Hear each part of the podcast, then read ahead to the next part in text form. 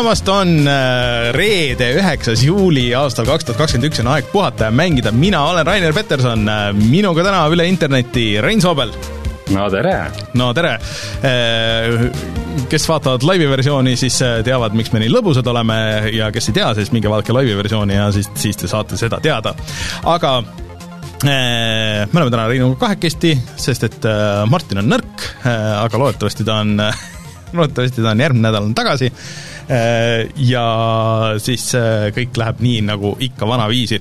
Äh, miks me, aa, eelmine nädal me tegime natuke varem, nii et kes ei näinud eelmise nädala saadet, siis, siis jah, salvestasime natuke varem, võib-olla jäi mingi uudis nagu sealt selle pealt vahele, aga nagu näiteks täna, et sellel ajal, kui me salvestame, siis on ju Sony State of Play, kus nad väidetavalt tutvustavad mingisuguseid uusi asju, nii et kui meil need uudised ei jõua saatesse, siis järgmisel nädalal lahkame neid asju Rein, kuidas sa muidu vastu pead, kuidas, kuidas muidu läheb? palavavõitu on on jah, tõesti. Õnneks järgmiseks nädalaks lubab, ma ei tea, nad Tartus lubas kakskümmend kahe, või kolmkümmend kaheksa kraadi, nii et. Näis, mis saab, loodetavasti jääme ellu, aga mul on kuidagi nagu mängimisega nagu natuke nagu keerulised suhted, et ma ei ole nagu siin, siin selle palavaga, ma ei jõua nagu süveneda pikalt, pikalt ühtegi mängu. ma ei tea, mis, mis on, mul on, mul on hästi mitu mängu on pooleli ja siis ma vaatan neid kõiki ja siis ma kuidagi kuidagi ei, ei, ei saa nendesse sisse praegu hetkel mm,. kurb kuulda ka minul on omad äpardused äh,. aga nendest ma räägin äh, natukene hiljem mm., mulle jõudis kohale minu uus mängurilepakas mm.. aga ma ei ole selle peal midagi mänginud ja hiljem räägime, miks mm just, äh, aga teeme selle kohustusliku osa siis siia algusesse ära, ehk siis äh, meid leiab igalt poolt internetist, äh, SoundCloud, Spotify, Instagram, Youtube, Facebook, kõik kohad oleme olemas, igal pool seal, kus leiate podcast'e iganädalaselt, seal me oleme olemas. meid saab toetada Patreonis. Pat, pat, pat, Patreonis. Patreon.com, kaldkriips puhata ja mangida ja seal, kui te meid toetate, siis saate näiteks tasuta mänge. Nüüd just läks uus pakk mänge sealt äh, Civ kuus ja, ja mõned veel on, äh, on juba läinud ja siis äh, saate tulla meiega Discordis jutustama ja kõik need muud asjad, nii et äh, minge vaadake Patreoni, äh, kui te meid toetate, siis saate meiega rohkem suhelda. ja siis otse loomulikult tahaks eraldi veel tänada Patreonist Taavit, jutustaja X-i, Failissit, Jaaku Gengenni, Dev0-i, Randroidi ja kõiki teisi, kes on meid seal kunagi toetanud, toetavad meid praegu või plaanivad seda tulevikus teha, me oleme väga tänulikud teile kõigile, see kõik kulub ära väga, nii et ilma teieta me ei saaks seda teha. Siis siis on meil Youtube'i kanal, Youtube.com, kaldkriips puhata ja mangida äh, nädal enne siis äh, läks üles video Mario golfist. Äh, mis selle mängu nimi oli? Ah, Rein, oota.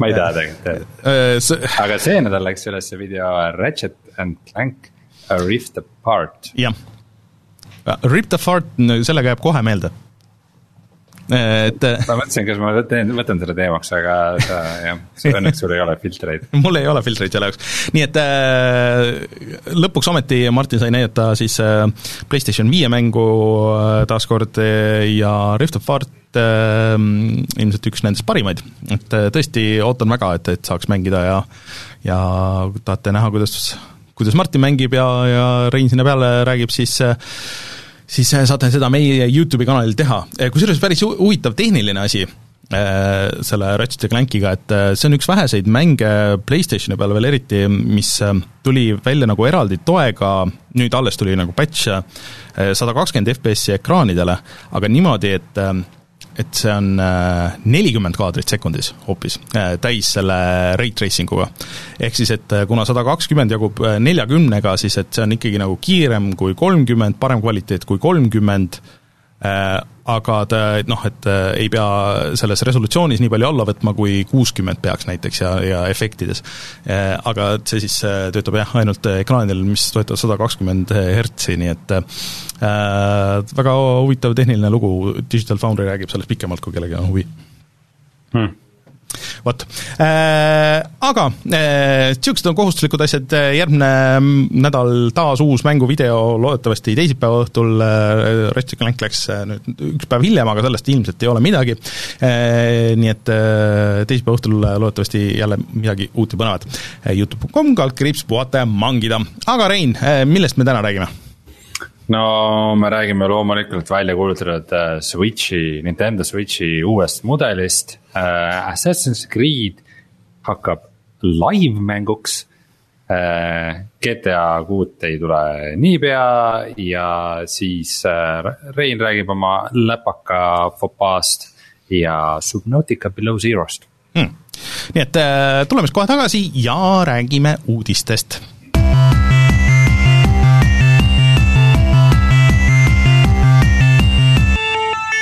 uudised. Rainer, kas nüüd lõpuks juhtus see, mida sa on tilkunud ja, ja siin semi välja kuulutatud ja kohe-kohe välja kuulutatud ja siis jälle tagasi võetud kogu aeg, et lõpuks ometi kuulutati välja uus versioon Nintendo Switch'ist.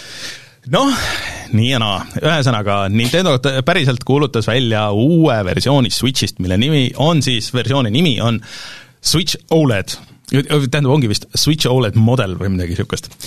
Äh, aga äh, nagu tuleb välja äh, ja see nüüd, sellest me siin kohe hakkame rääkima, see ei ole see, mida inimesed on spekuleerinud siin, vaid see pigem on põhimõtteliselt siis vana Switch, paari väikse lisaga, ähm, kus asendatud on ekraan, uus ekraan on natuke suurem, tal on LAN-port on selle, selle, selle doki peal ja see mm, natuke parem äh, see jalg, mis teda püsti hoiab, aga muidu on tegemist põhimõtteliselt sama Switchi äh, parema ekraaniga versiooniga. ja, ja ma rõhutan veel seda, et äh, see on siis mitte see mm, mis, mis siis ilma dokkimiseta Switch oli, Switch Lite, Lite, Switch Shite vaid et see on siis äh, traditsiooniline, mida saab ka dokkida sellest, sellest Switch'i siis uus mudel. jah, äh, ja tegelikult noh kõik olid nagu väga nagu pettunud selles ahaa, ja see ei ole see, mida meile lubati, aga ma tuletaksin meelde, et Nintendo ei ole mitte midagi lubanud. kõik need jutud, et äh, mis, mis tuleb, et see on Switch Pro või Switch äh, mingi kaks või mis iganes, need on äh, lekkinud igalt poolt mujalt ja mitte nagu kunagi kinnitatud Nintendo poolt, Nintendo on alati öelnud, et enne kui sa oma armukesse hirmsasti kaitsed mis, mis point sellisel nagu upgrade'il üldse on, et jah, sul on ikka mingisugune viissada nelikümmend B display. ei ole, seitsesada kakskümmend. pool tolli rohkem seitsesada kakskümmend B on see Rein ära, selles mõttes. oi, ma tänan. see on, see on ikka üsna, üsna suur vahe. aga no ekraan on natuke suurem ka, aga see Oled ilmselt vihjab ikkagi sellele, et ähm, piksli arv on sama. Äh, piksli arv on sama. Oled ekraan iseenesest on hea nagu noh, selle vastu nagu ei saa küll keegi vaidelda, sest et no isegi Vital muidugi oli, aga nüüd Oled on, on see on nagu tõesti teema, millest peaks üldse nagu rääkima või? Jah, peab küll, äh, aga mis äh, mulle tundub, on see, et sellest saab lihtsalt see uus põhimudel, see on samamoodi nagu no äh, ainus asi, mis siin nagu kõige vähemalt huvitav tundub, on see, et mis, mis selle LAN kaabli point seal on, mis asja, kes seda tahtis või miks äh,, miks see sinna oodati? sest et vähemalt vanal Switch'il oli väga vilets äh, wifi äh, chip, mis äh, mingites situatsioonides äh, tekitas online-mängudes, peamiselt siis Smashis äh,, väga suurt lag'i ja inimesed ostsid lihtsalt äh, USB-põhise LAN-i adapteri, millega sai selle kõik paremaks. aga see on samasugune et, et Nintendo Switch'il on, ma lihtsalt kontrollin üle, kas ma saan nagu õigesti aru et äh, sellel äh, vanal konsoolil, mis on siiamaani populaarne, on alati olnud murekohaks äh, väga halb wifi kiip. just. ja selle parandamiseks nad panevad juhtmeühenduse aastal kaks tuhat kakskümmend üks, jah, juhtmeühenduse võimaluse. selle asemel, et no seda ei tea, võib-olla on see parem džipp. parema. no see, keegi ei tea, kas, kas seal on parem džipp või ei ole, aga selles mõttes, et äh, see juhtmeühendus, kui sul on see dok, siis on variandina, see on okei okay..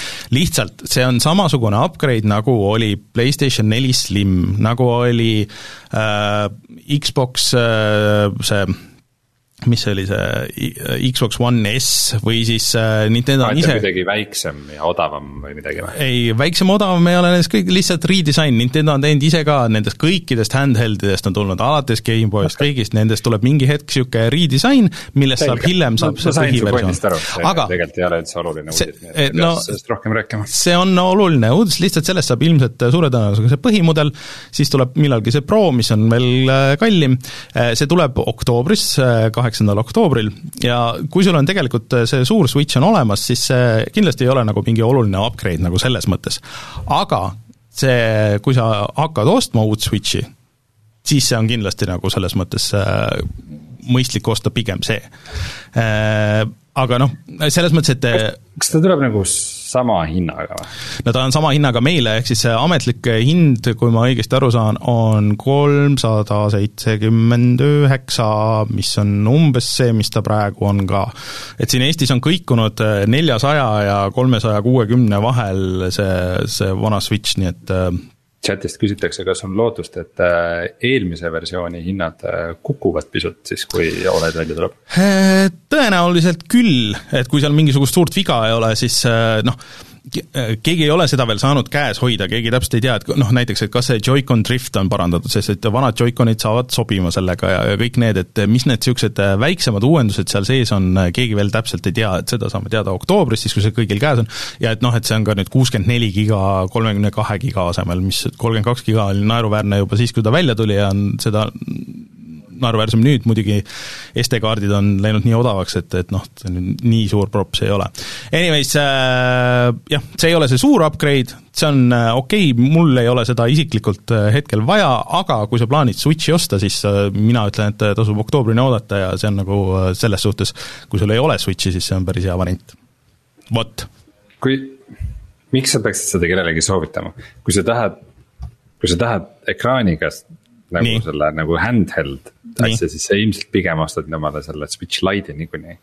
et äh, kui sa ostad nagu dok, dokiga Switch'i, siis äh, ilmselt ei ole nii oluline sulle see, et äh, sul on nagu mingi pool sentimeetrit suurem ja veidikene paremate mustadega ekraan no.. kas see on nagu päriselt põhjus, miks oodata mingisugune neli kuud või? Äh, ma arvan küll, sest et kõik need muud uuendused, mis seal äh, potentsiaalselt võivad sees olla, lihtsalt et see on uuem ja värskem mudel, äh, siis eks seal ei ole ju muid uuendusi, nad ütlesid no., et seal on veidikene suurem Oled ekraan, teistsugune jalg, LAN-i port, seal ei ole lihtsalt, kui need on ka, sama öeldi ka selle PlayStation Slimi ja, ja siis Xbox One S-i kohta, aga nad ikkagi nagu töötasid natuke paremini, lihtsalt et aega on nii palju mööda läinud, et uued komponendid lihtsalt töötasid nagu nõksa paremini siin ja seal. et noh, a la seal on mingid paremad jahutused ja et kuna ta on nagu natuke äh, paksem ja kõik need asjad, et, et need kõik võivad mõjutada seda.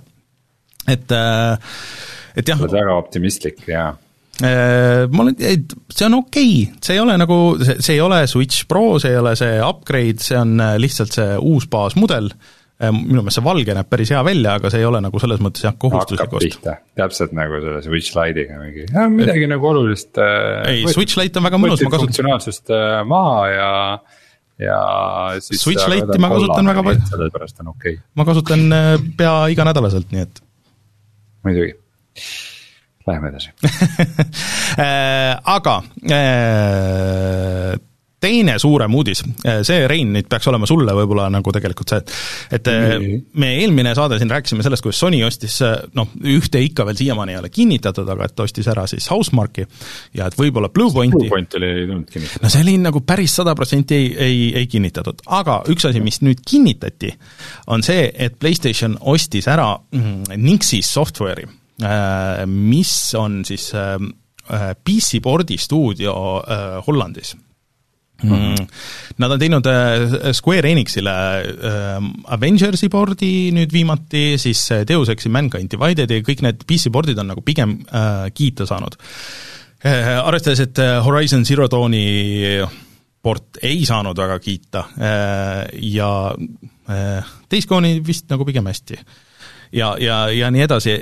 Ja Sony on öelnud, et kuidas nad plaanivad järjest äh, ikkagi äh, tulevikus enda eksklusiive PC-le tuua, siis see on väga loogiline, loogiline samm nende poolt, pluss et selle kunagi vist tegid osad, ühesõnaga sellel on mingi seos selle Guerilla stuudioga, kes siis House või seda noh, Horizon tegi Horizon Zero Dawn? jah, et kas endised äh siis selle Guerilla tüübid tegid selle stuudio või ühesõnaga mingisugune niisugune, niisugune seos seal nagu kuidagi on, kuna Hollandi stuudio ka, nii et et kui Sonyl on enda niisugune pordistuudio, siis võiks ju nagu eeldada, et, et tulevikus äh, saavad äh, Sony pordid rohkem tähelepanu äh, ja rohkem eelarvet ja seal ei ole teiste stuudiote porte sees, või siis kuidagi mingisuguste diilidega nagu, et et kui te tahate, et see ilmub arvutil, siis peate läbi, läbi selle meie stuudio minema ja nii edasi, et et see saab olema huvitav,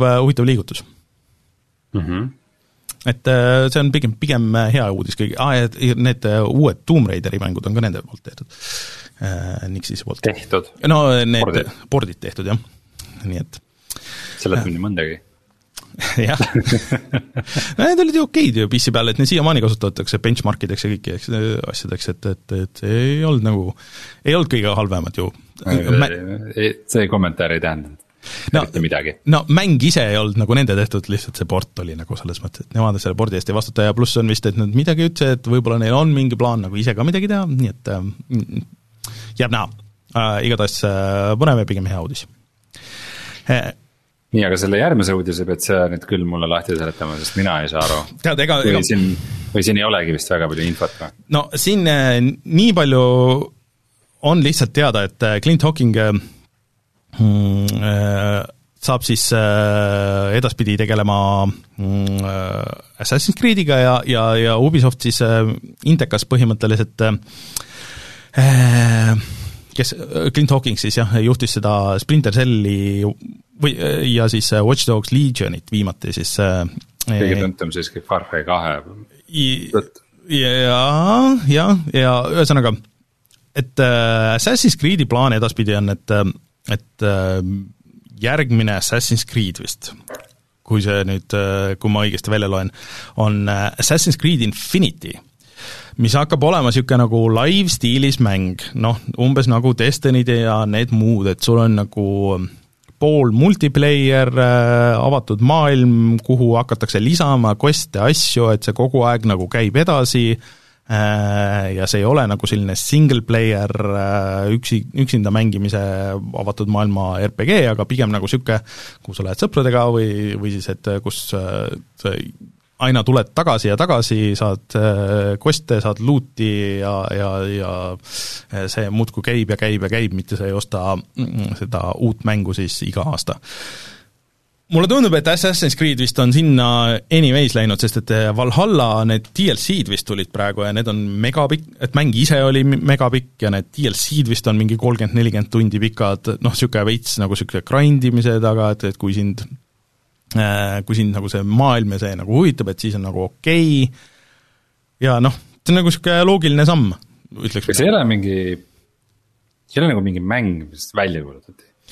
no nad ütlesid noh, see ei ole nagu konkreetne mäng, aga et see on nende plaan nüüd edaspidi, et alguses see oli Bloombergi äh, report, et noh, et, et niisugune asi on tulemas ja siis Ubisoft no põhimõtteliselt kinnitas, et äh, selline plaan neil on, aga et aga et võib-olla tuleb ka ikkagi üksikmäng eraldi veel, mis saada seisma nagu nagu täiesti eraldi, ühesõnaga, pigem The Division vist on nagu parem võrdlus, et, et see on nagu äh, Assassin's Creed'i maailmas käiv Division. ma sellest ei oska ja, midagi ja. öelda ma, ma ei, ma olen väga vähe mänginud elus Assassin's Creed'i mänge, aga ma siiski tunnen, et see on kuidagi nagu bad move või et keegi väga ei võida sellest lõpuks. no aga inimestele nagu meeldib, ma ei, ma ei tea, kas see on, äh, asi on selles, et äh, see on niisugune asi, mida on hea striimida või või et seda on hea nagu sõpradega koos mängida, niisugused mängid, et mind ei tõmba ükski nendest, ma olen proovinud ja nagu no niisuguseid elustiili mänge on, see on nende jaoks on kindlasti nagu mingi rahvas olemas, aga kas see peaks nüüd just olema Assassin's ja. Creed, mida nagu sellesse vormi väänata no,, et nagu Assassin's Creed on ikkagi üks nagu tuntumaid ja edukaid mänguseeriaid, et ja. et äh, mina, mina võtaks pigem nagu ühe väiksema Assassin's Creed'i, mis oleks nagu kuidagi noh, nagu back to the roots nagu veits võib-olla niisugune noh, nagu ajalooline äh, ajalooline seiklusmäng, on ju, mingite skifi elementidega, mis ei pea olema sada tundi pikk või, või midagi niisugust ja, ja kuidagi minu jaoks see läheb täiesti vales suunas, ehk siis ma ei ole mänginud ühtegi nendest viimasest kolmest. Ja kui nagu järgmine saab seda tüüpi mäng olema, siis ma kohe kindlasti nagu ei lähe sinna, et aga noh, mis neil minust, ma saan aru, et küll neid mängijaid on, et äh, Divisionit mängitakse siiamaani ja see Ghost Recon vist saab ka niisugune olema enam-vähem, see uus ja The Division on ka neil selles võtmes. Noh, nad vist vaata ütlesid ka mingi hetk, et äh, see on nagu et need online-mängud on nende see siht ja tulevik ja, ja kõik see, et, et eks me teeme nagu need kõrvalt neid üksikmänge ka, aga et noh, see on nagu see, kuhu me plaanime. aga lõpuks jääb nagu niisugune mulje, et see on jälle Ubisoft the game, aga nagu teises võtmes, et noh, see on see Assassin's Creed'i skin'iga äh, looter-shooter äh, nagu see live-mäng, see on äh, militaarvõtmes, see on Skifi võtmes nagu seesama mäng ja siis noh, see ei, ei, ei kõla mulle väga hästi. ju eraldi nagu toonitaks üle seda, et kuskil ei ole kirjas nagu otseselt, et see on nagu tasuta selline live service mäng. no seda ei ole, seda ma isegi nagu eeldaks nendest, et äh, ma arvan, et seal on nagu... ei, ma mõtlen lihtsalt, kui nagu rääk-, ma mõtlen nagu suurtest frantsiisidest ja mm -hmm. nihukestest live service mängudest, siis noh, mulle esimesena hüppab pähe nagu Call of Duty Warzone.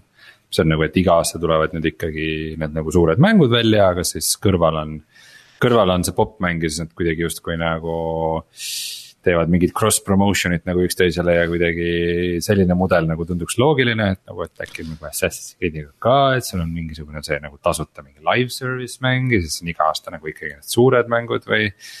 ma ei tea, see tundub üsna riskantne kõik see Ubisofti enda jaoks. nojah, et vaata, vaata, et äh, Assassin's Creed'i võlu on alati olnud see minu meelest, et, et sa kunagi noh, iga kord, kui uus tuleb, et põnev asi on see, et noh, et oo oh,, et seekord on viikingid ja see on nagu selles ajastus ja oo oh,, et siin on Vana-Kreeka ja nüüd on, ma ei tea, kesk, renessansi Itaalia, eks äh,. Aga kui sa teed live-mängu, mis peaks mingi viis aastat käima näiteks või midagi niisugust, äh, siis, sa oled nagu just, justkui nagu suht lukus selles ühes ajastus, ühes stiilis, ja siis sellest saab nagu For Honor või, või noh, üks nendest Ubisofti mängudest jälle nagu selles mõttes, et äh, aga noh, ma ei, võib-olla seal on mingisugune niisugune asi, mida me praegu ei kujuta ette ja siis äh, nad tulevad ja üllatavad meid kõiki, et aga ma ei tea, et, et see ei kõla äge mulle.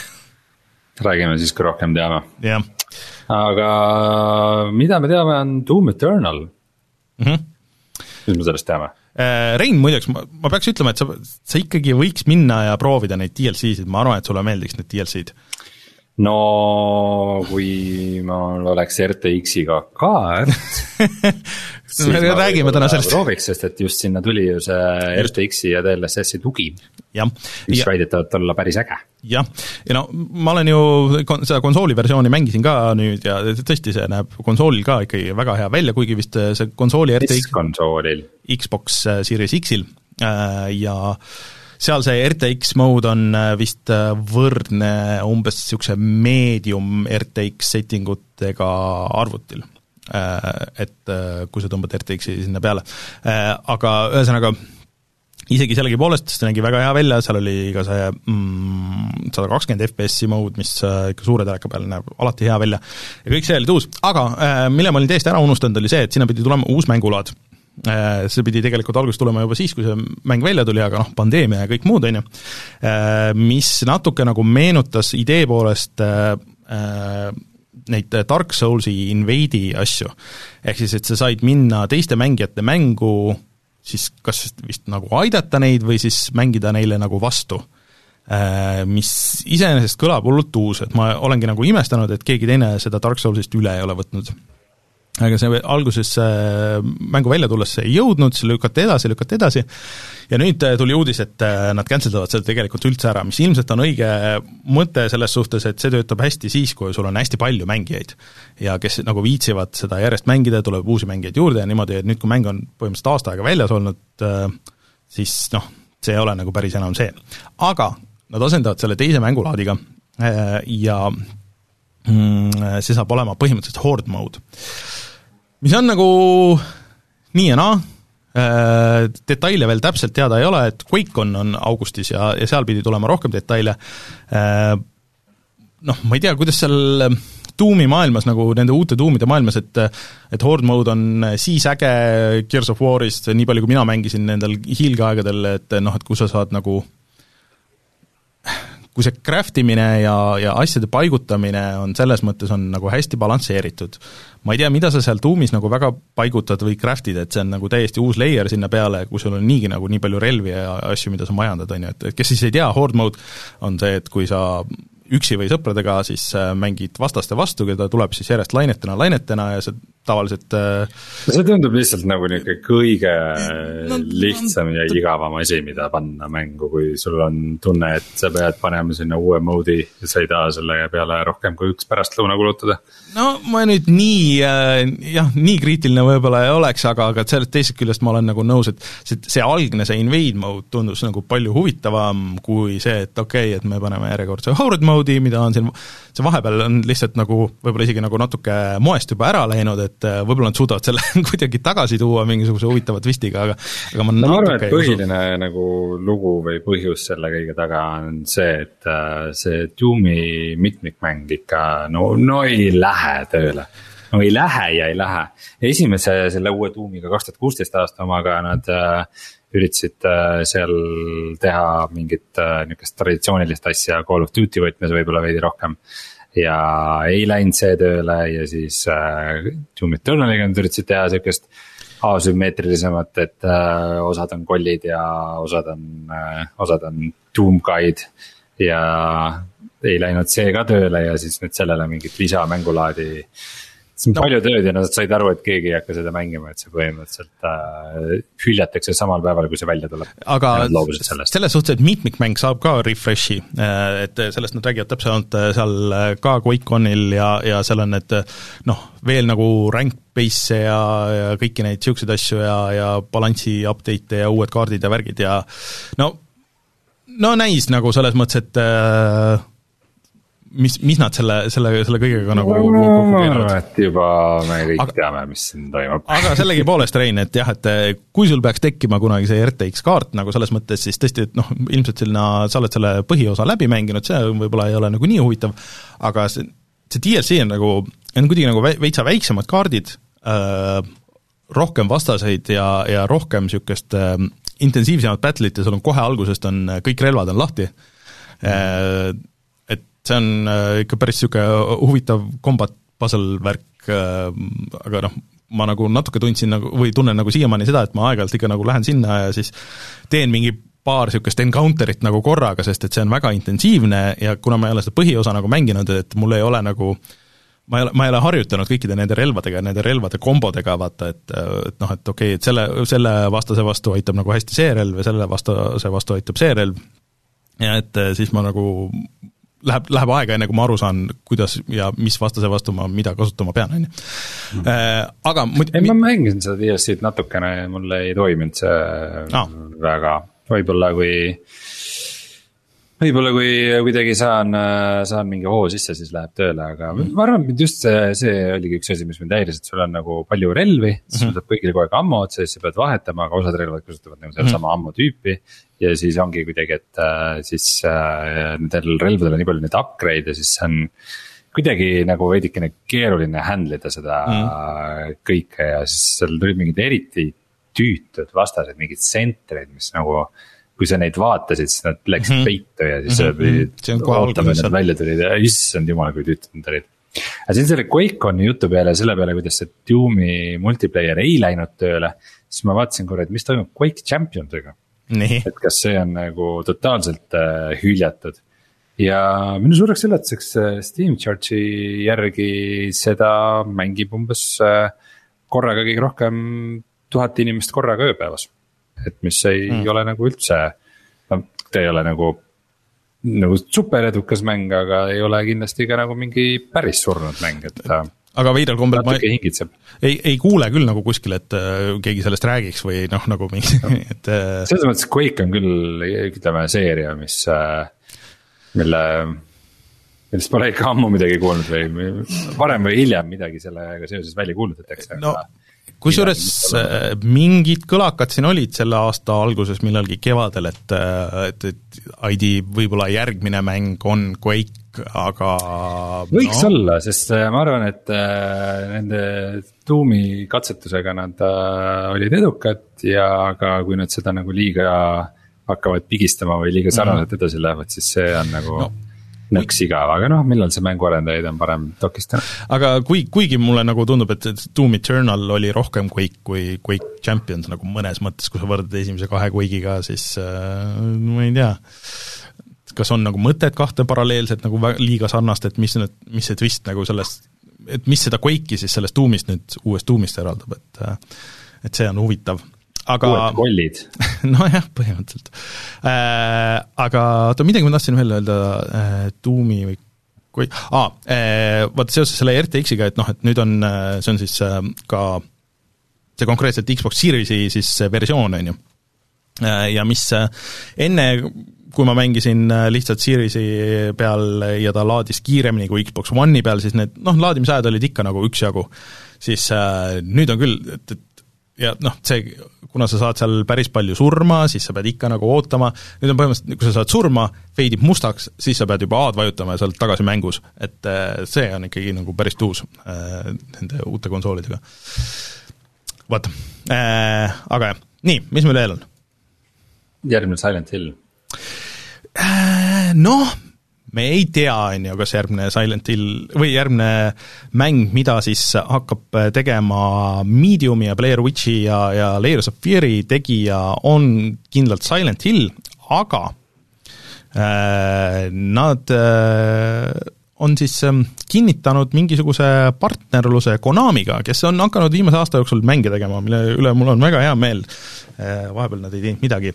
Äh, ja otse loomulikult äh, kõik siis äh, Äh, fännid arvavad seda, et äh, see nende ühine projekt saab olema Silent Hill. Ähm, noh, kõlaks nagu loogiliselt, sest et äh, kõik need mängud, mis nad on teinud, on põhimõtteliselt olnud niisugune säästu Silent Hill, see tiim on Bluebird tiim, no vist väike Poola stuudio, neil ei ole üldse palju inimesi tegelikult seal, kui ma olen õigesti aru saanud, ja ja niisuguse suure siis väljaandjaga partnerlus ja, ja niisugune IP, no ma arvan, et see mõjutaks või noh, mõjuks neile küll hästi ja ja mulle see Medium, nii palju kui ma seda mängisin, paar tundi, tegelikult nagu meeldis, aga aga jah, eh, täpsemalt midagi teada ei ole, lihtsalt kõlab väga põnevalt, nii et Silent Hilli fännid, olge rõõmsad, loodetavasti mm. -hmm. ootame huviga, aga mitte võib-olla liiga lootusrikkalt, aga millal me GTA kuut saame mängida? no mitte enne, kui vist kaks tuhat kakskümmend neli või kaks tuhat kakskümmend viis. Ehm, ühesõnaga, vahepeal siin äh, on ka igasuguseid asju spekuleeritud ja vaikselt lekkinud äh, ja no nüüd on nagu vähe niisugused ähm, kindlamad äh, noh, kindlamad lekked siis või kuidagi niimoodi kinnitatud lekked sellest, et äh, mis siis GTA kuus olema saab. Äh, ja suure tõenäosusega on see seotud ikkagi Wise Cityga, äh, et saab toimuma Wise City's, kaart saab olema natuke väiksem, aga oluliselt tihedam. Aga selle eest on siis rõhk sellel, et et see kaart saab olema nagu justkui muutuv a la Fortnite või, või teised Battle Royale'i mängud. Äh, seda kõike ikka selleks, et see GTA Online, mis on hullult populaarne, saaks siis äh, saaks siis olla sama populaarne, sest et Red Dead Online, kuigi seda ikka inimesed mängivad, ikka nagu päris nii suureks ei saanud, kui GTA Online on seda siiamaani, on ju. ja et vist see saab leidma aset ka siis tänapäeval just sellel samal põhjusel, et sul oleks rohkem relvi, rohkem igasuguseid autosid, lennukeid, asju. ja noh, et äh, miks see nii hilja tuleb, on see, et äh, väidetavalt pärast kõiki neid uudiseid, äh, kui halvad on seal töötingimused, siis nüüd jälgitakse seda väga hoolega, et enam ei sunnitaks inimesi tegema mingeid sajatunniseid töönädalaid ja nii edasi ja siis äh, Hauser. kui keegi teeb liiga kõvasti tööd, siis kohe keegi tuleb juurde, jah, et see Hauseritest üks ju läks ära, tal on nüüd ka täiesti oma stuudio, äh, just siin alles äh, kuskilt see tuli välja ja siis see Leslie Benzos, kes oli, oli vist tuntud nagu see mees, kes et siis, kui projekt oli väga pikalt käinud ja ei suudetud kuidagi lõpuni viia, siis tema oli see closer, kes toodi sisse, et nii, nüüd me teeme selle GTA viie lõpuni ja me teeme selle Red Deadi lõpuni ja siis tema tuli sisse ja siis tema tõmbas need otsad kokku ja sundis inimesi, tema vist sundis inimesi crunch ima ja, ja tegema neid asju, nii et et ta on ka sealt läinud ja, ja tal on ka mingi oma stuudio e,. Nii et ehm, nojah, aga ainuke asi, mis mind teeb kurjaks uh,, kurjaks, kurvaks, on nagu see, et äh, GTA-ga, kas neil mingeid muid projekte nagu ei ole samal ajal, kas Red Deadist näiteks ei tule seda uute konsoolide versiooni või midagi, sest et äh, ma pean tunnistama, et ma just üle-eelmine või üle-eelmine, üleeile äh, vaatasin seda oma listis, äh, Xbox'i listis ja ma mõtlesin, et okei okay,, et ma tegelikult võiks selle nagu praegu siin suvel, et võib-olla see sobiks nagu hästi, et ma peaks selle ikkagi nagu lõpuni ära tegema, et mul on see, see mingi lõpuosa seal tehtud ja mul on see installitud ja kõik, aga äkki siis ma teen selle läbi ja siis tuleb just see nagu see uute konsoolide versioon, et ega ma uuesti küll ei viitsi seda kohe kindlasti mängida just kuulutati välja Red Dead Redemption kahele siis äh, või noh, see oli veits varem teada, aga nüüd nagu tuli ametlikum info, et äh, kolmteist juuli, see on siis viie päeva pärast mm, -hmm. tuleb siis DLSS-i tugi mm.. siis kõikidele arvutikasutajatele, kellel on RTX-i mm -hmm. graafikakaardid e,. aga minu arust rate tracing'u tuge nad ei ole kuulutanud otseselt välja, et äh, ma ootaks seda ka. no mulle see tundub, et see on päris palju tööd nagu selles äh, mängus, et, see loodus ja kõik nagu see, et seda nagu normaalselt jooksma saada, arvestades, kuidas see nagu seal oli, ma arvan, et see ei ole lihtne neil on ju oma mootor ka, et see ei ole nagu mingi Unreali põhine, et kus sul on kellegi käest küsida, et äh, kuidas me, kuidas läheneda ja sul on ametlik tugi, et sa pead ise nagu seal stuudio sees välja mõtlema selle kõik. et ähm, kahtlustan, et, et see ei, et see ei ole lihtne anyways ja, ja see on neile veel, veel raskem, arvestades mängu suurust. aga et aga no DLSS on juba jah.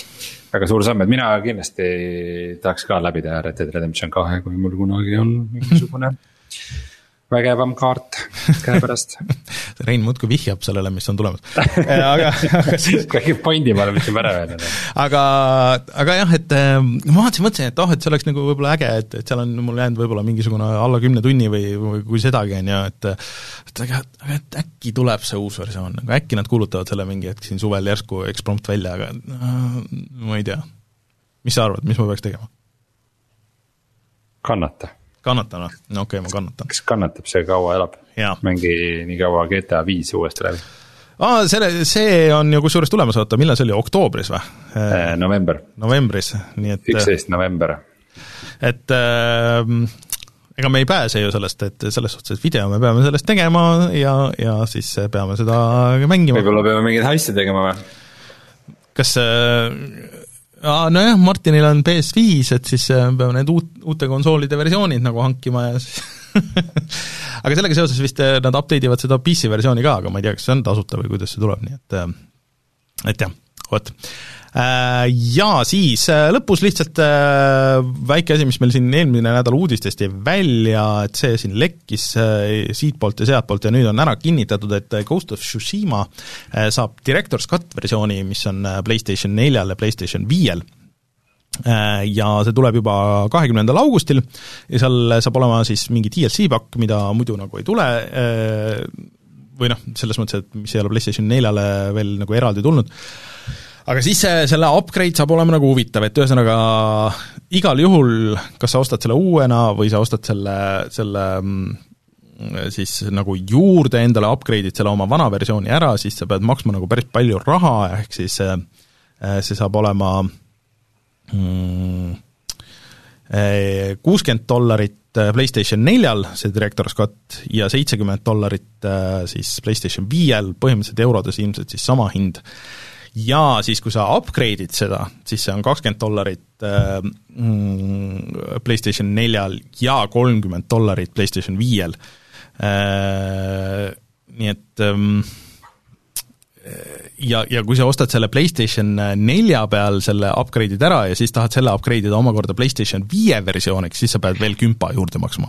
nii et igal juhul sa pead maksma kokku seitsekümmend dollarit või siis, või siis kolmkümmend dollarit, kui sa seda PlayStation viie versiooni tahad mängida, isegi kui see vana versioon on olemas, nii et natuke meenutab seda Tony Hawk'i upgrade'i lollust, nii et et see on nagu veits puine, et, et äh, inimesed toetasid, ostsid su uut IP-d äh, PlayStation nelja peale, et anna neile nagu natuke, natuke odavamalt nagu see, see upgrade kui kui kolmkümmend äh, dollarit äh, või, või kakskümmend viis eurot või mis see saab olema, et natuke nõme.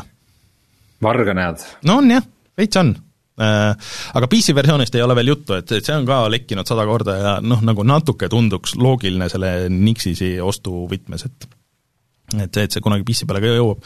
et see on väga, väga ilus mäng, selle vastu ma ei, ei vaidle, et kui sul on hea arvuti, siis ma arvan, et see võib väga hea välja näha nagu tegelikult arvuti peal, aga mulle see mängitavus ei meeldinud selles mängus, nii et ma ei, ma ei saa midagi teha. vot. aga tuleme siis kohe tagasi ja vaatame, mis me oleme mänginud sel nädalal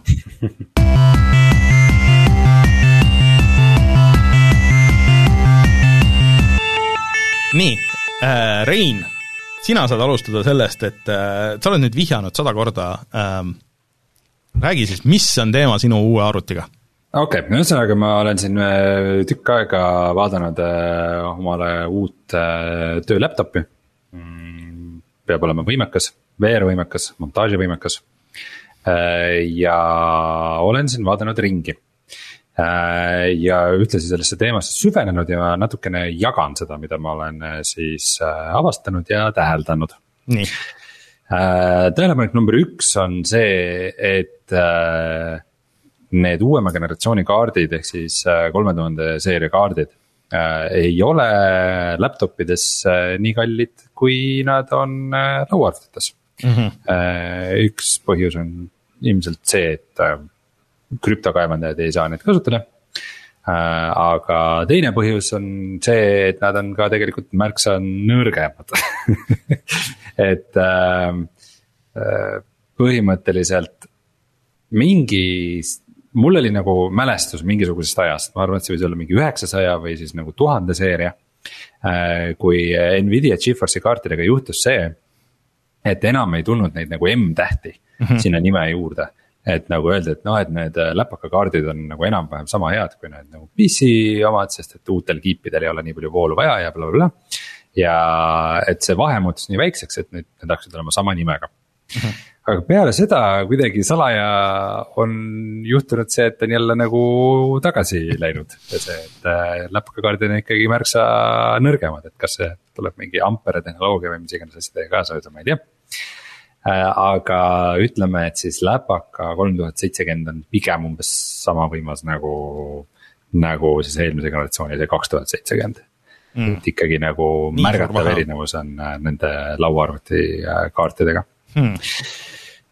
teine tähelepanek mm, seoses graafikakaartidega just on see, et neid kolme tuhande seeria kaarte tegelikult läpakates on väga-väga erinevaid mudeleid ja hästi palju sõltub see sellest, et äh, äh, sellest nagu arvuti emaplaadist ja sellest, et, äh, et nagu kui palju voolu see nagu arvuti suudab siis nagu videokaardile anda mm. -hmm.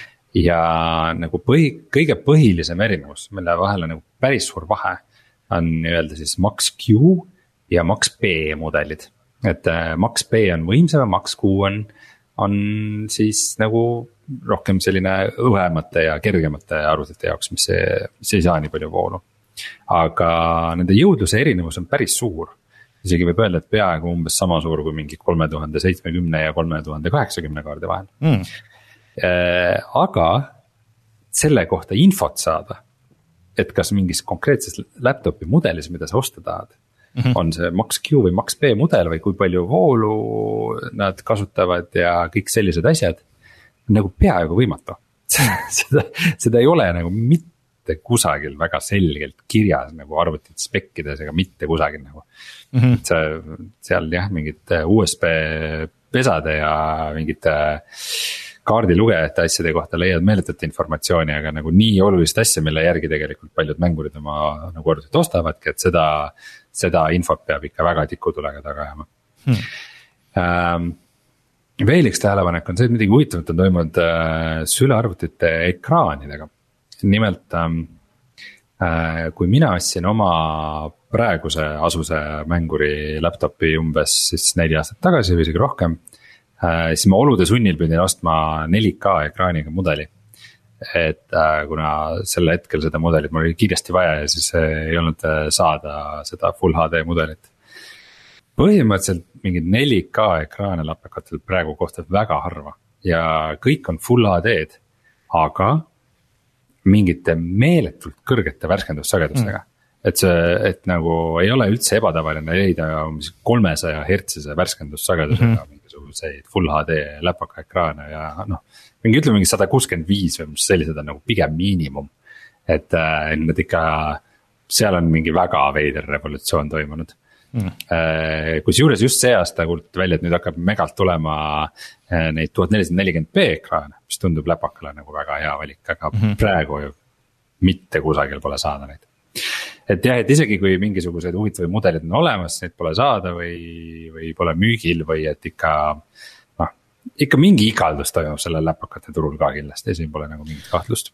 ma scroll in siin praegu äh, techspot.com'i äh, arvustusi ja tõesti nagu, et äh, siis põhimõtteliselt äh, RTX kolm tuhat seitsekümmend laptopi versioon versus äh, siis äh, noh, nagu äh, arvuti niisugune stand-alone versioon, et noh, vahed on kuskil kolmkümmend, nelikümmend kaadrit sekundis, mis on ikka väga suur vahe nagu tegelikult nagu, et see ei ole nagu niisugune, et noh, kümme kaadrit siia, kümme kaadrit sinna, et isegi nagu kohati jääb sellele kaks tuhat seitsekümmend versioonile alla ja, ja noh, kohati on nagu natuke üle, aga ühesõnaga jah, mm, tõesti, päris suur vahe on mm. -hmm. no igatahes oma otsingutega ma siis jõudsin nii kaugele, et ma leidsin ühe mudeli, mis mulle sobib. kas sa ütled mudeli nime ka mulle? jaa, ma leidsin selle Amazonist, see on siis äh, Asus äh, ROG ehk siis Republic of Gaming seeria Strix G15 äh, Neid on muidugi väga palju erinevaid, see konkreetne, mis ma välja valisin, on viieteist koma kuue tollise full HD ekraaniga, IPS, kolmsada hertsi. Äh, ja tal on protsessor on AMD oma, R7 seitsesada kaheksasada H. ja tema graafikakaart on siis RTX kolm tuhat seitsekümmend, äh, mis peaks olema siis see Max B oma, ehk siis see, see, see võimas mm muudes näitajates on tal veel siis kuusteist giga RAM-i ja üks teravott SSD-d. ja ta hinnaks siis koos käibemaksuga on kaks tuhat eurot. nii, mõeldud-tehtud tellisin ära äh,. tuli kohale Eestisse päris kiiresti äh,. põhimõtteliselt kolmapäeval tellisin ja esmaspäeva hommikul oli mm. kohal. ehk siis kolme või nelja tööpäevaga, võiks öelda mm. -hmm. ja jõudis mulle kohale, panin ta võtsin karbist välja, kusjuures väga huvitav, üks, üks muudatus veel, mis on toimunud, ilmselt seoses sellega, et need äh, CD-plaadi äh, või noh, optilised drive'id on ära kadunud äh, läpakatest. karp oli jumala tühi, karbis oli nagu palju ruumi igast asjade jaoks aga põhimõtteliselt oli nagu arvuti, vooluadapter, tühi. Okei. Mitte midagi muud nagu kaasas ei ole, okei. Okay. ja panin juhtme külge, tellisin siis sellest ametlikust Asuse poest Saksa Amazonist mm. -hmm ja panin juhtme külge, äh, vajutasin on-off nuppu. Läks kohe klaviatuuridest tuli sihuke pulseeriv, sihuke wow, käis mingid eri värvid kõik niimoodi sealt äh, klaviatuuri valgusest läbi, tal on veel all mingisugune värviline LED-riba, mis värvis terve äh, selle töölaua ka veel vikerkaare värvidesse ja väga vinge oli äh,. aga ootan siis veidi aega ja mis ei võta pilti ette, on see ekraan okay..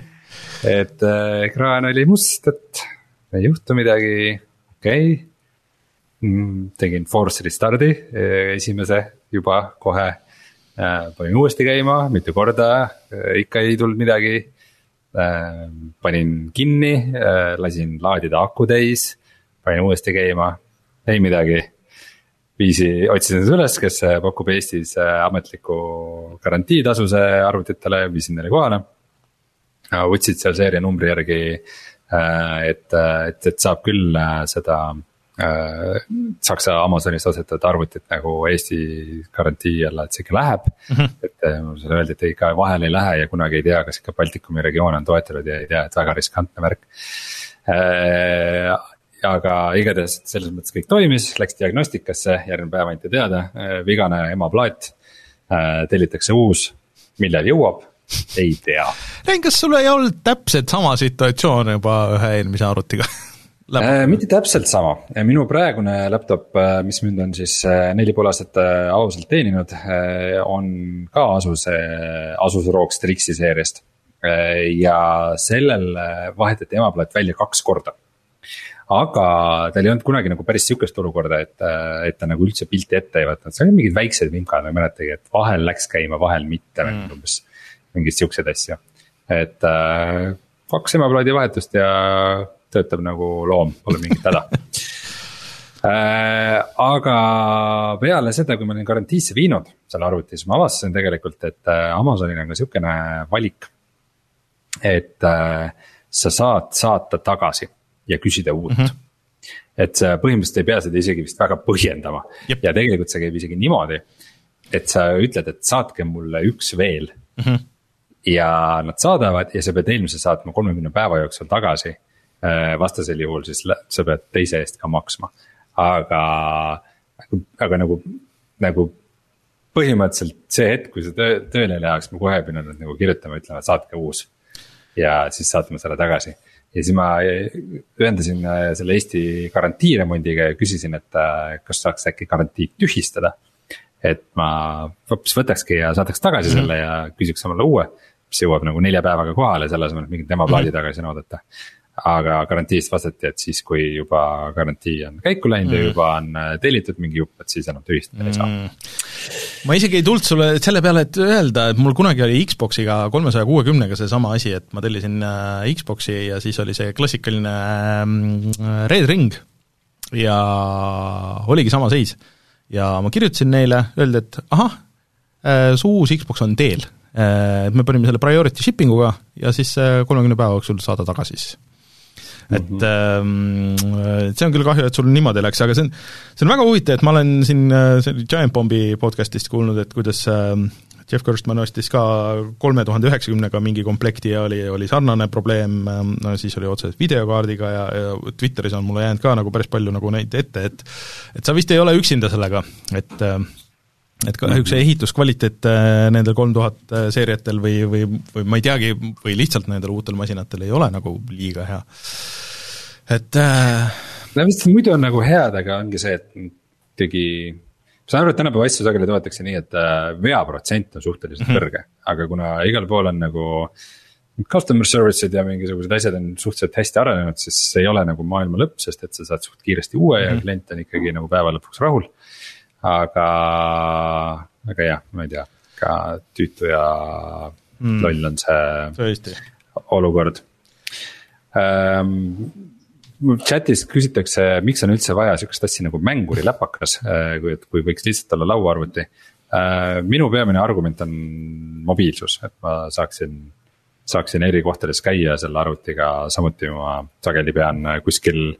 kuskil kohapeal demoma midagi äh, virtuaalreaalsust, siis see, see on nagu alati sihuke hea argument virtuaalreaalsuse poolt, kui ma mõtlen nagu läpaka välja mm., panen ju, ühe juhtmega peaseadme külge, ütlen.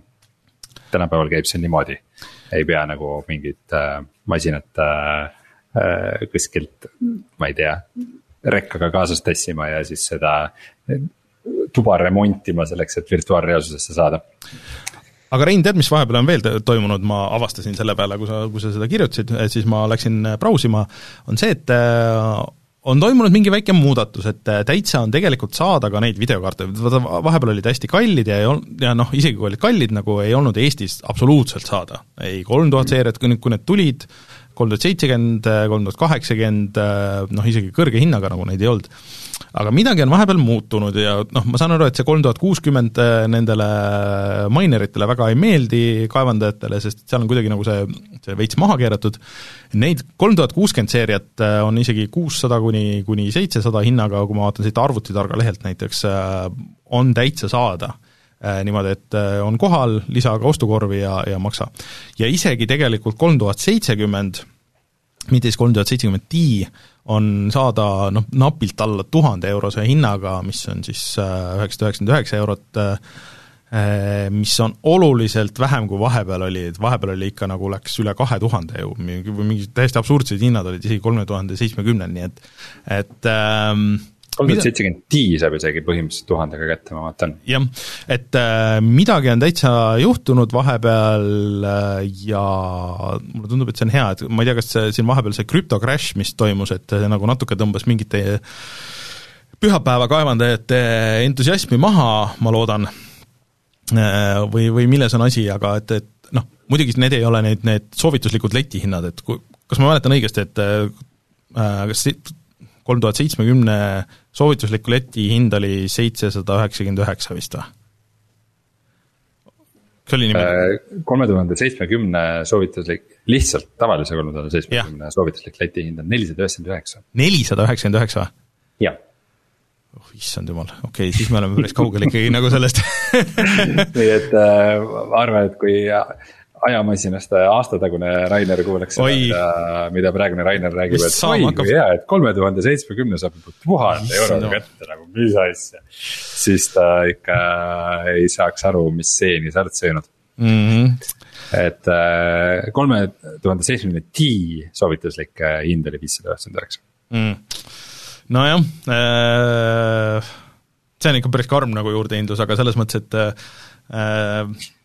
no aga no ma olen sul, sinuga nõus selles mõttes, et, et mingisugust väikest leevenemist me näeme mm, -hmm. et kui see kestma jääb ja nagu edasi läheb, et siis mine tea, võib-olla isegi saab, saab äh, normaalse kuupalga eest osta graafikakaardi arvutile. Suessi kanal tehti vabaks ja, ja konteinerid hakkasid liikuma ja, ja jõuavad äh, siia-sinna need äh, kaardid ka lõpuks ma ei tea, mis ma teen oma arvuti, mul on täiesti, ma, ma korra mõtlesin nagu sinu selle peale, et võib-olla ma peaks ka hoopis ikkagi ostma endale koju nagu selle arvuti asemel, peaks ostma läpaka, sest et mul on tõesti nagu see vana komplekt, mul on äh, aastast kaks tuhat neliteist vist juba praeguseks või kaks tuhat viisteist, kolme, üheksasaja seitsmekümnega, mis äh, noh, sinna see Windows üksteist ei lähe kohe kindlasti, ma noh, mänge nagu seal juba lihtsalt põhimõtteliselt ei saa mängida umbes, on ju, et äh, ükstaspuha, mis uue läpaka ma võtaks, see oleks kindlasti parem kui mul see vana, aga kas, kas ta nagu kestaks mul jälle nii kaua, on ju, et, et ma tahaks ikkagi teha ka videot ja, ja tahaks, tahaks teha 3D-d ja tahaks, tahaks mängida, nii et, et ma ei tea, mis, mis see on, et komplekte on ka erinevate hindadega nagu sealkandis võimalik, aga noh, ilma ekraanideta ja värkideta see on niisugune raske, raske situatsioon.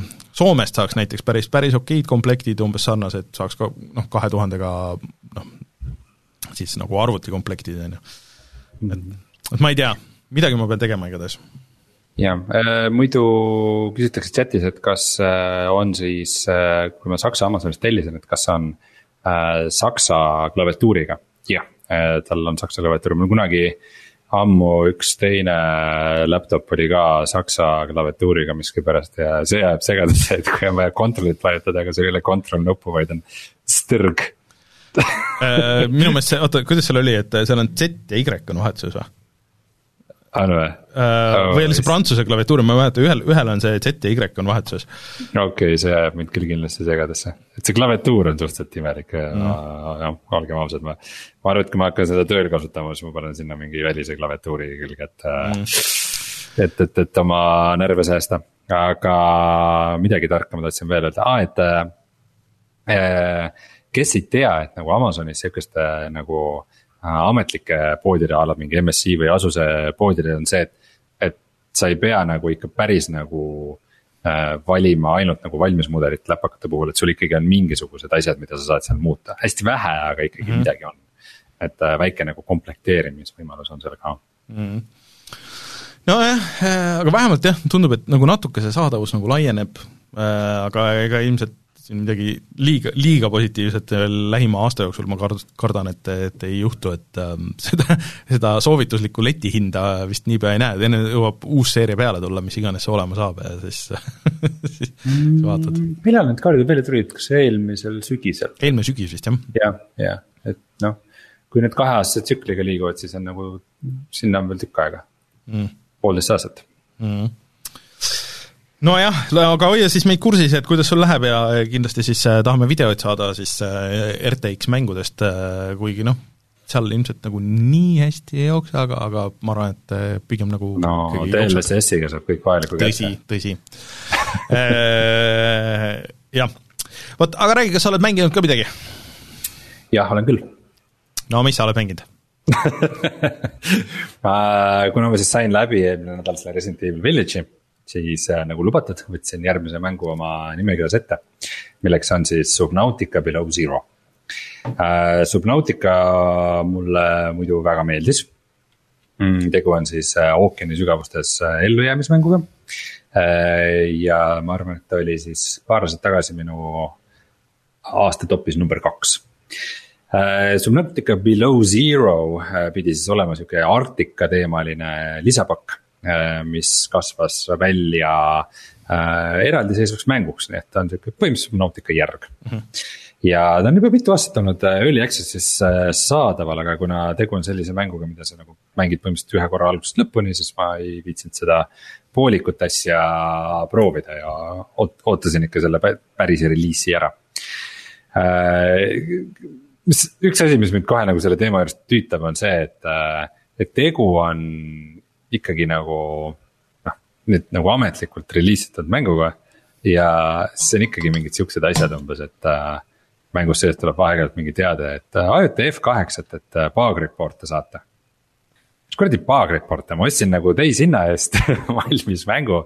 et äh, see ei ole nagu, õige aeg, et. kas sa ei taha arendajat aidata siis, Rein? Bug report'e, mingit bug report'e te ei saa minu käest aga peategelaseks on siis äh, mustanahaline naine Äh, sest et äh, mis mängus tänapäeval ei oleks peategelane mustanahaline naine. ja ta siis läheb ühele planeedile äh, otsima oma õde, kes töötas mingisuguses niisuguses arktilises jaamas kuskil ja avastas mingisuguseid veidraid asju ja tulnukate paremeid ja siis läks kaduma. põhimõtteliselt sa siis maandud planeedi pinnal, mis on oluline, mitte ookeanis, vaid pinnal. ja äh, satud kohe mingi lumetormi kätte ja põgened merre oma siis selle äh, päästekapsli juurde, mis ka orbiidilt alla kukkus äh,. läbi mille siis hakkad äh,, hakkad tegema asju. et esimeses Subnautikas oli see, et äh, päris kaugel mängus juhtus see, et sa esimest korda nagu astusid maapinnale ja see oli, see oli väga sürr moment, see oli ikka üks sihuke nagu, sihuke nagu.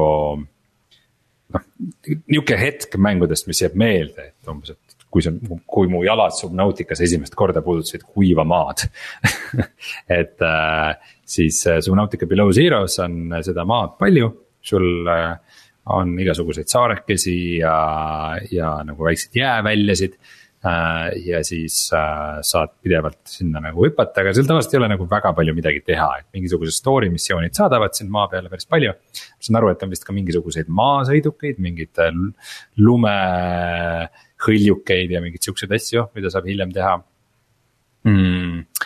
aga jah, et üldjoontes ikkagi see tegevus toimub vees ja üks asi, mis sunnib muudkui sinna vette, on see, et maa peal see ilm muutub nagu väga tihti ja väga agressiivselt üks hetk on mingi meeletu lumetorm, siis on mingisugused raheterad, siis on mingeid meteoriite sajab. ja nagu lihtsalt üks häda teise otsa ja sul hakkab ka kohe külm. et hmm. põhimõtteliselt ongi see, et sa pead nagu äh, kas leidma maa peal midagi, mis soojendab. või äh, hüppama ruttu supsti mõnusasse sooja vette tagasi ja seal vee all edasi ujuma ähm,. Subnautica on siis selline mäng, kus sa nagu mm, avastad, äh, väldid mingeid ohte ja kogud igasuguseid ressursse. ja siis avad nagu vaikselt seda tehnoloogia puud, läbi mille sul tekib nagu võimalus umbes kauem aega vee all olla, et sul on nagu rohkem hapnikku.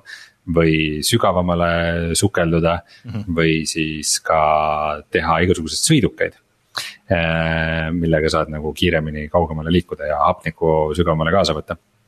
Äh, ja mm, üsna hea on tegelikult ka Subnauticase nagu ehitamise osa, et sa saad nagu päris korraliku baasi omale rajada ja. sinna panna mingisugused akvaariumid ja põllud ja mingid viljapuud ja ma ei tea, mis asjad nagu.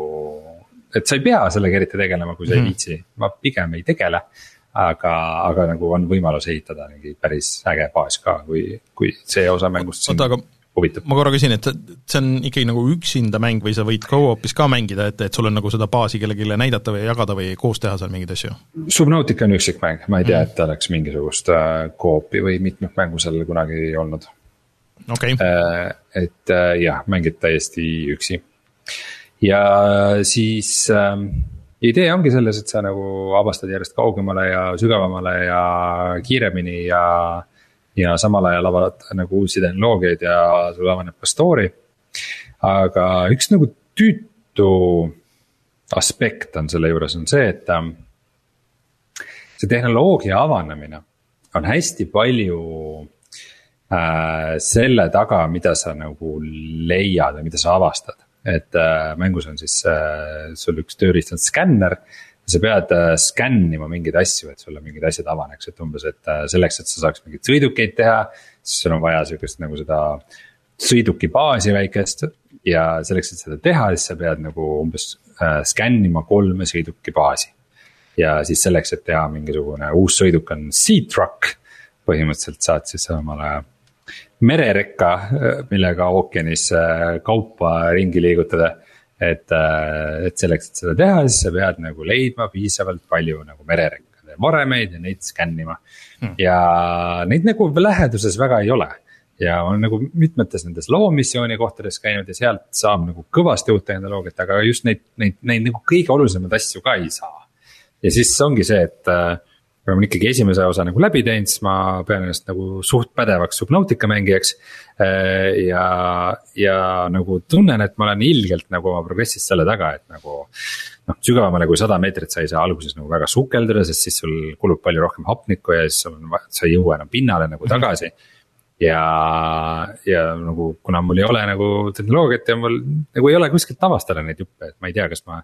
kuna see noh, see maailm on ikkagi suhteliselt avatud, et kuhu poole sa nagu avastama hakkad. noh, mitte väga sügavale sa ei saa minna alguses, aga, aga nagu kõik muud suunad on ikkagi avatud. et võib-olla mul lihtsalt nagu ei ole vedanud, et ma ei ole nagu sattunud õigetesse kohtadesse või.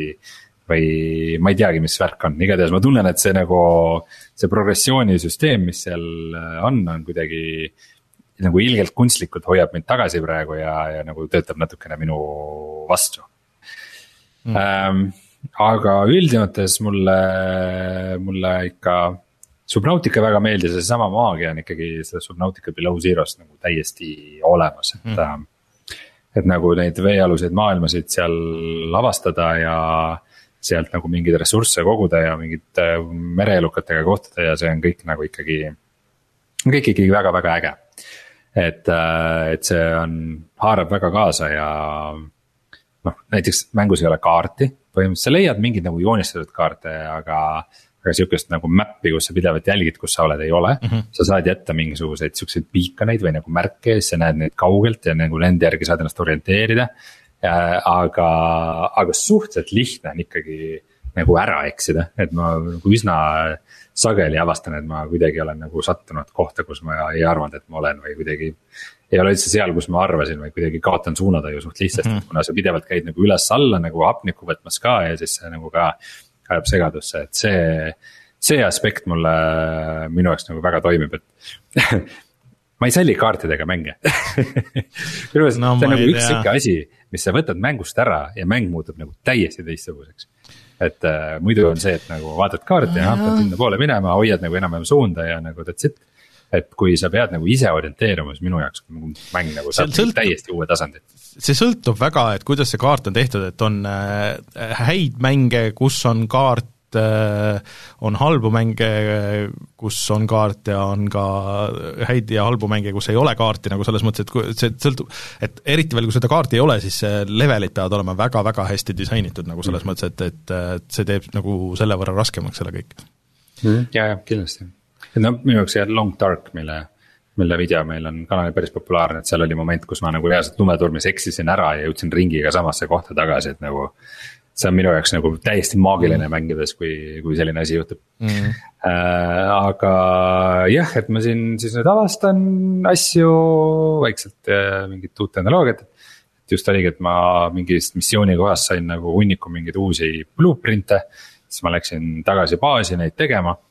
Ja, ja siis avastasin, et äh, oi, et äh, nüüd kõik tahavad mingisuguseid siukseid ressursse, mida ma pole nagu näinudki mängus okay ma ei tea, et äh, eks ega siin, ega siin nagu muud ei olegi, kui ma lihtsalt pean nagu veel ja veel mängima ja veel ja veel avastama ja mm. küll ma, küll ma nagu need vajalikud asjad äh, lõpuks kätte leian, aga kuidagi.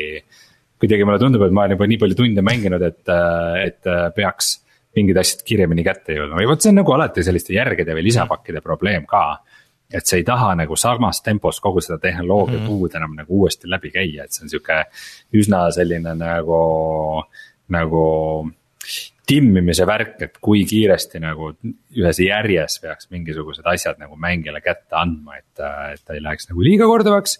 aga samas ta oleks ka nagu huvitav ja see oleks mm -hmm. mingi progressioon, aga samas ka, et uued mängijad saaksid sellega hakkama, et see ongi sihuke natuke keeruline teema. aga see vist on väljas äh, mitte ainult PC-le, see vist on kõikidele platvormidele, kus Subnautica oli minu meelest umbes a la Switch'ist, ma ei tea, PlayStation viieni vist või? Äh, ma ei anna pead sulle selle eest. kiire Google ütleb äh, PlayStation neli, Xbox One, Nintendo Switch. kas siis tõesti uutele platvormidele ei ole, ei, ma arvan, et ikka uutele ka jah, tundub, et suht kõige peal, isegi mm -hmm. Maci peal. okei, äh, võib-olla see on nagu niisugune mäng, mida peaks äh, mängima, et kui sa seda päris Subnauticat pole mänginud, et, et siis äkki siit on nagu hea nüüd tulla, et see on nagu, võib-olla on õpitud sellest originaalist nagu midagi, et vaata, sul on nagu natuke selle vana nagu taust on taga seal, et, et sa nagu ootad midagi või noh, nagu tead midagi, et kuidas, kuidas see võiks olla? tead, ma ei ole nii kindel, et ähm, iga review, mis ma olen lugenud, on kõik on jube positiivsed mm., aga klausliga, et no esimene oli ikka parem et äh, et seda esimest ikka nagu armastatakse veidi rohkem. Äh, ja, ja võib-olla see teine on kuidagi, ta ei ole kuidagi nii mm., nii hoomamatu alguses või. Ta on kuidagi ikkagi veidike sihuke stand-alone expansion, et ta on sihuke nagu veidikene nagu konkreetsem ja kiirem ja tihedam mingis osas, et. Äh, pluss ma ei ole kindel, kui hästi kogu see nagu arktiline aspekt toimib, et nagu kas. kas sellest, et sul on palju mingit lund ja jääd nagu muutub see mäng kuidagi paremaks või visuaalselt huvitavamaks, et ma ei ole kindel mm,. okei okay. äh,, aga palju ta maksis, kas sa mäletad? Äh, päris peast ei oska öelda, ma arvaks, et ta päris nagu mingi kuuekümne eurose hinnaga ikka ei olnud. minu arust isegi see täissubnautika ei olnud vist kuuskümmend eurot. vist ei olnud jah, et ta vist early access'is oli veidi odavam, kolmkümmend eurot mm,. okei okay., aga värskesse kulda läheb või ei lähe? isegi ei mõelnud selle peale, aga läheb ikka. Läheb ikka või? miks, miks, miks ei lähe? no paneme vaatame kohe siit, paneme siis ära. nii mm. -hmm.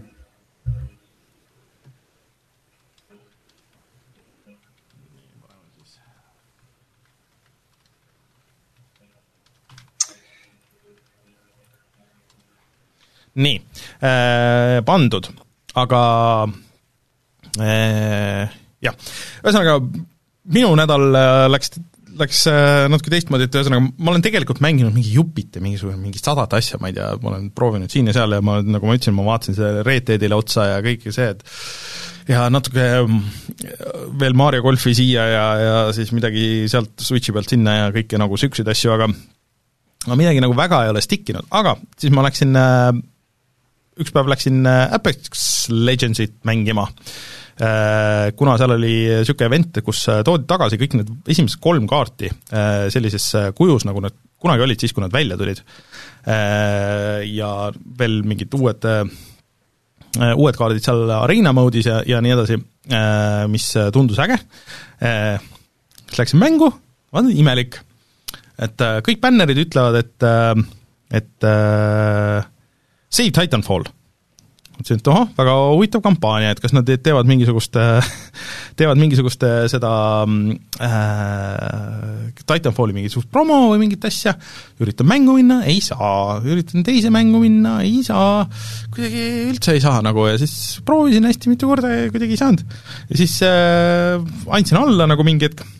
Siis hiljem jõudsin kuskile äh,, kuskile uudistesaidile, kus selgus, et äh, Apex oli ära häkitud ja häkkerid olid pannud äh, täis selle, neid äh, erinevaid Save Titanfall asju ja, ja, ja niisugused, et äh, ühesõnaga, seal oli mingi suurem, suurem sissemurdmine käimas ja, ja, ja suurem häda. nii et too päev ma siis mängu sisse ei saanudki.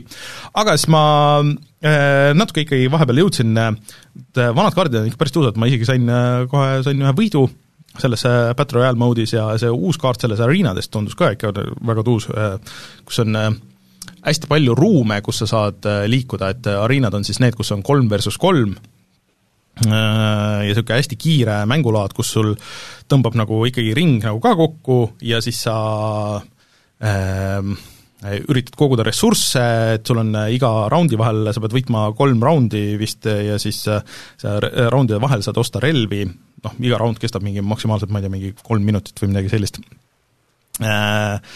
Ja see, et kui sa saad äh, erinevates äh, majades sees olla ja, ja seal kiiresti nende majade vahel äh, liikuda ja hüpata ja siis annab osadele karakteritele, eriti see Pathfinder, kellega ma peamiselt mängin, annab nagu päris suure eelise.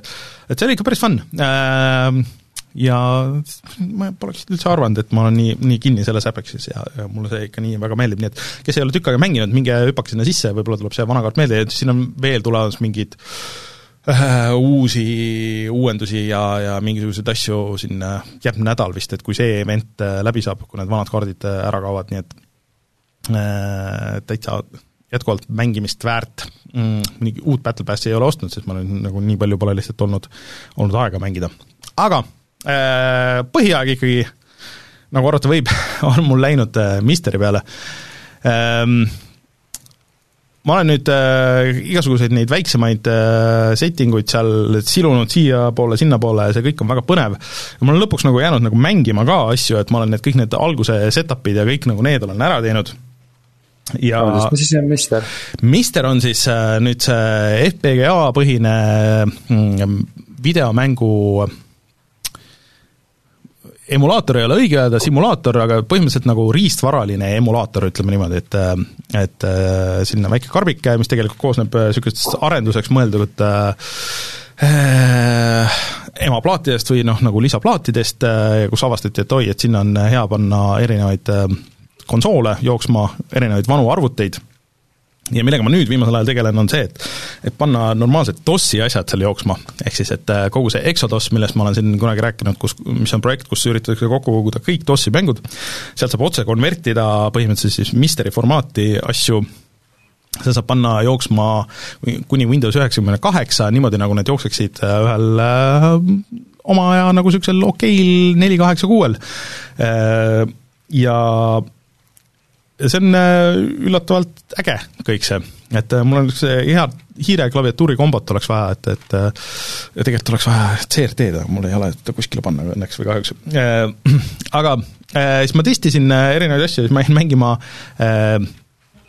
NES-i Felix the Cat'i, mis on üllatavalt alahinnatud platvormikas, mis tuli välja suhteliselt hilja NES-i Äh, elus, äh, ehk siis vist üheksakümmend üks või midagi niisugust, äh, ja sellest nagu väga paljud ei tea, ma kunagi kollase kasseti pealt selle avastasin.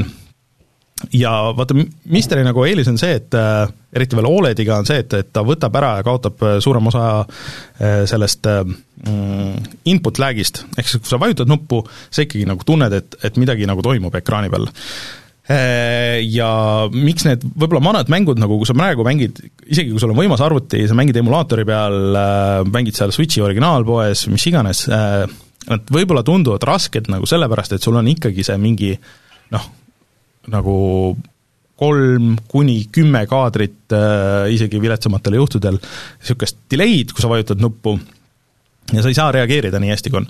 ja ma kuidagi hakkasin seda Felixit mängima ja siis äh, põhimõtteliselt mängisin poole mängu peale niimoodi, ilma et ma oleks kordagi surma saanud, et see ei ole küll maailma kõige raskem mäng, aga, aga, aga selles mõttes, et äh, noh, seal on ikkagi äh, võimalik surma saada, kui sa tahad, ja üsna kiiresti, aga, aga mul oli kogu aeg niisugune veider tunne, et ma kontrollin seda mängu, mida mul ei ole, kui ma vahest nagu mängin neid emuleeritud versioone, et et seal ongi ikkagi mingi twist, et kui mul oli see Raspberry Pi projekt oli ka, et selle ma panin üles ja siis see ülespanek oli nagu see lõbusam osa, et kui ma nagu päriselt hakkasin mängima selle asja, siis kõik nagu tundus nagu niisugune ujuvat veits või nagu, et see ei ole nagu, midagi on nagu valesti. aga Mysteriga mul ei ole seda ja seal tuli ka nüüd uus, et kõik on nagu nii-öelda core'i põhine, et äh, tuli välja siis Capcom äh, Capcomi põhimõtteliselt eelviimane see nende enda tehtud ar-, arkaadimasina see nii-öelda core, mis äh, mis on nagu suht selle Mysteri võimsuse piirideks, äh, see on, seda vist toodeti kuni aastani mingi kaks tuhat või midagi niisugust, kus jooksevad näiteks Marvel versus Capcomi see esimene osa ja, ja väga paljud niisugused äh, bullet hell shooterid ja, ja niisugused äh, et äh, ma olen kõiki neid siin järjest mänginud, see on, see on äh, väga tuus asi. kui ma nüüd selle, selle DOS-i osa ka veel ägedalt tööle saaks ja siis peaks proovima neid Amiga ja neid koore veel rohkem ja, ja see on väga põnev maailm, mida avastada ja iga nädal tuleb midagi juurde, uut juurde, näiteks et äh, üks äge lisa, mis nüüd tuli, on äh, kahe GameBoy või GameBoy Advance'i võimalus, et sa saad kaks, no sa nagu emuleerid korraga kahte GameBoy'd või GameBoy Advance'i, et sa saad mängida GameBoy või GameBoy Advance'i mitmikmänge ühe ekraani peal, nagu split screen'is.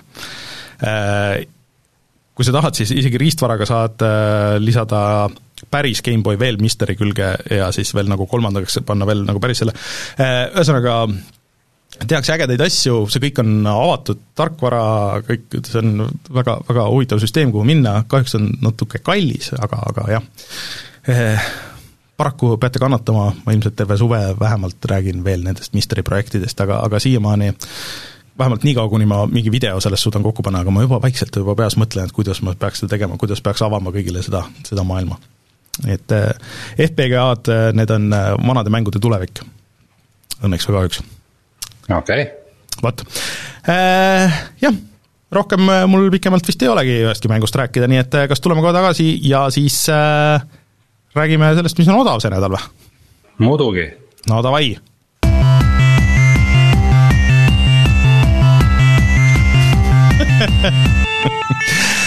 Re Rein, kas sul on äh, Epiku pood näiteks lahti, et vaata, et mis seal on odav, kas Steam'i, Steam'i see sale käib veel või? Steam'i sale nagu vist käib, aga seal on midagi nagu kokku jooksnud, et mm.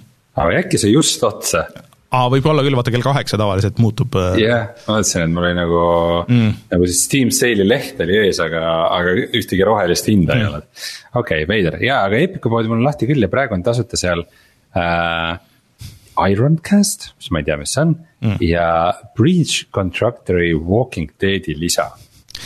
Neil on mingi portaali lisa ja mingisugused väga imelikud äh,, imelikud asjad äh, seal, aga Ironcast äh,, mis, mis see tundub, mis, mis see on? ja järgmine nädal on tasuta mängud Obduction ja Offworld Trading Company mm..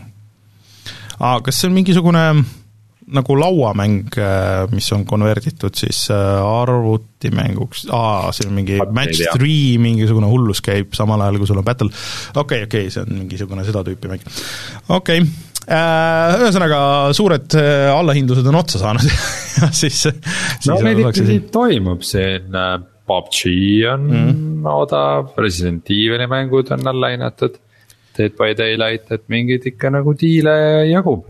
Äh, muidu tegelikult äh, Awesome Games Done Quick äh, käib jälle see suvine versioon ja ma olen seda ka vaadanud, üks, et, et see on ka inspireerinud muidugi vanemaid mänge mängima ja proovima nii et hoidke silm peal, mis seal toimub, siiamaani kõige ägedam, mis ma nägin, oli äh, Battletoadsi selle NES-i versiooni äh, kinnisilmi run nagu mingist, et seoti silmad kinni ja siis, äh, siis mängiti mingit osa, mis on veel äh, nagu legendaarselt raske osa nagu mängida igatpidi seal äh, nende õhuhõljukite peal või mis iganes, nii et et hullusi ikka teevad, aga ma pean ütlema, et äh, nad teevad ka nagu kodunt niimoodi remotely et, et see ikka ei ole nagu see feel, kui kõik need inimesed on nagu selles suures saalis ja, ja päriselt istuvad inimesed taga, kes kommenteerivad ja, ja kõik nagu see, et, et need on ikka ägedamad, et kui inimesed on ikka kodus ja striimivad, siis pole nagu päris see mm. -hmm. et aga loodetavasti järgmine on siis juba aga Steamis on jah, Resident Evil'i seeriad näiteks alla hinnatud ja